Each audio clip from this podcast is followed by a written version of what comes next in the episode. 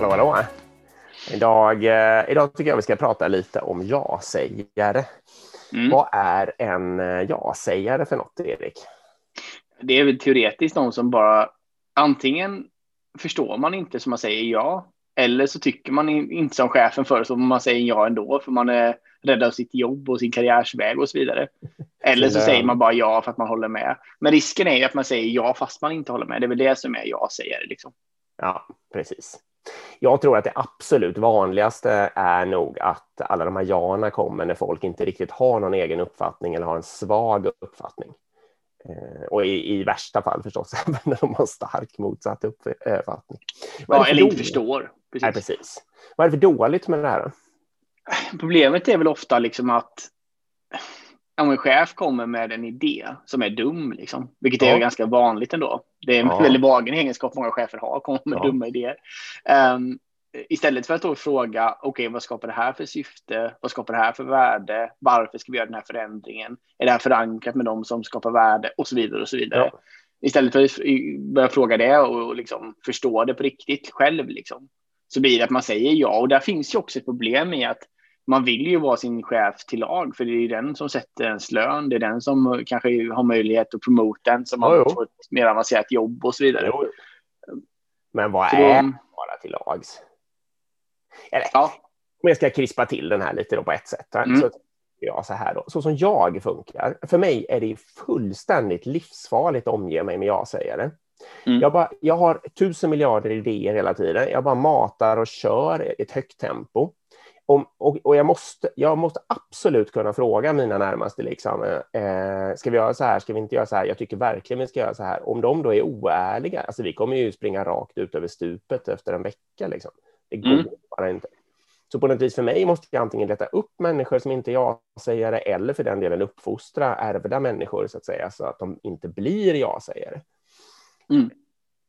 Jag har, som exempelgrej så har jag en i min organisation då, som förut var Scrum Master. Eh, det här är bara beröm, så det, det är väl ingen katastrof om man kan lista ut vem det är kanske. Eh, nej, och hon eh, säger alltid precis som hon tycker. Det är så Mm. otroligt skönt. Och så då verkligen så här också ur ett medarbetarperspektiv. Man kan ta upp, och, och jag menar, även ganska stora strukturella dumheter som många människor har mycket respekt för, liksom har köpt som någon slags sanningar. Kan hon bara säga att nej, men det där, så det, det blir ingenting bra det där, det är ju helt värdelöst.